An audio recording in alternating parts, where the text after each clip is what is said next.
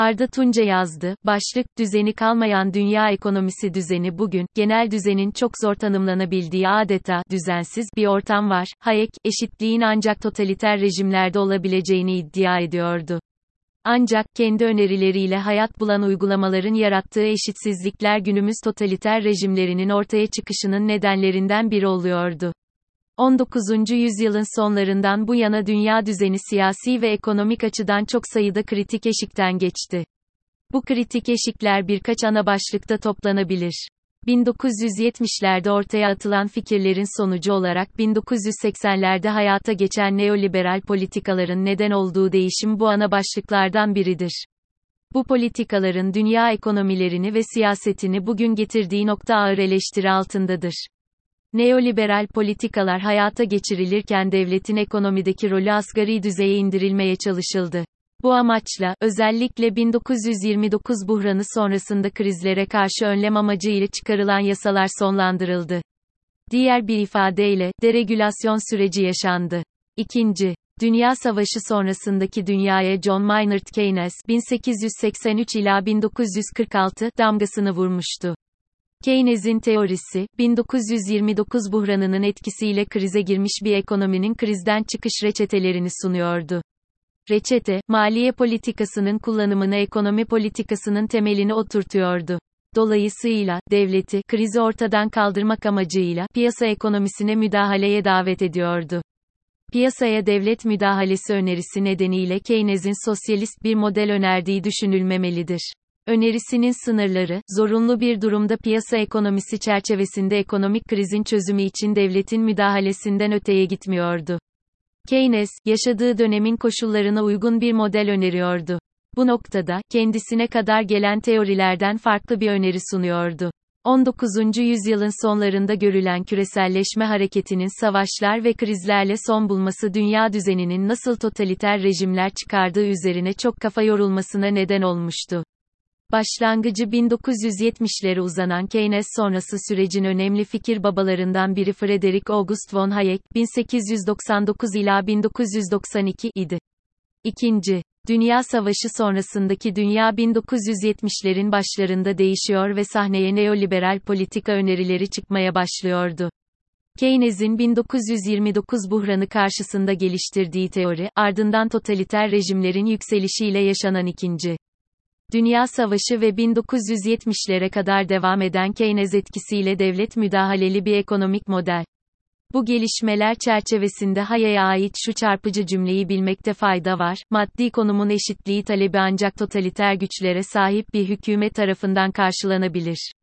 Hayek, totaliter rejimlerin arkasında ekonomiye devlet müdahalelerinin olduğunu düşünmekteydi. Oysa, 1940'larda ortaya çıkan refah devleti kavramı ile Hayek'in görüşlerini destekleyen gelişmeler yaşanmamıştı. Ancak Hayek, 1974'te Nobel Ekonomi Ödülü alıyordu. Hayek, Kozmos adını verdiği ve piyasa dinamikleriyle kendiliğinden oluşan bir düzeni savunuyordu. 1980'lerden sonra dünyaya egemen olan ekonomik düzenin arkasında Hayek'in savunduğu yaklaşımlar etkiliydi. Dünya, Hayek'ten esinlenerek bir düzen yarattı.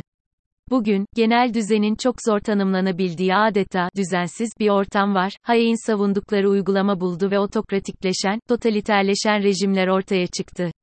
Hayek, eşitliğin ancak totaliter rejimlerde olabileceğini iddia ediyordu. Ancak, kendi önerileriyle hayat bulan uygulamaların yarattığı eşitsizlikler günümüz totaliter rejimlerinin ortaya çıkışının nedenlerinden biri oluyordu. Neoliberal kapitalist düzen, dünya genelinde ağır eleştiri altında. Ekonominin sosyal bir olgu olduğunu ihmal eden yaklaşımlarla kurulan düzenin çöküşüne tanıklık etmekteyiz. Neoliberal düzenin toplumlarda yarattığı mutsuzluklarla popülist ve dolayısıyla kutuplaştırıcı siyasete ortam sunması siyasetin yaygın bir pratiğine dönüştü. Kutuplaşmayla oluşan toplumsal tepkilerin sonuçları farklı kültürler altında farklılıklarla ortaya çıkıyor.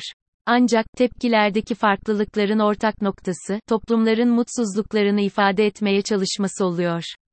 Dünyanın çok sayıda ülkesinin ortak uluslararası kuruluşları olan Birleşmiş Milletler, Dünya Bankası, Uluslararası Para Fonu ve B kuruluşlar da gelişen koşullar altında ortaya çıkan sorunlara çözüm sunamadılar. Onların da tek tek ülkelerin ve özellikle ABD'nin etkisi altında oldukları da elbette açık. Ortak bir düzeni kalmamış bu dünya ekonomisi düzeninde gelecek nasıl şekillenecek? Bu soru, 19.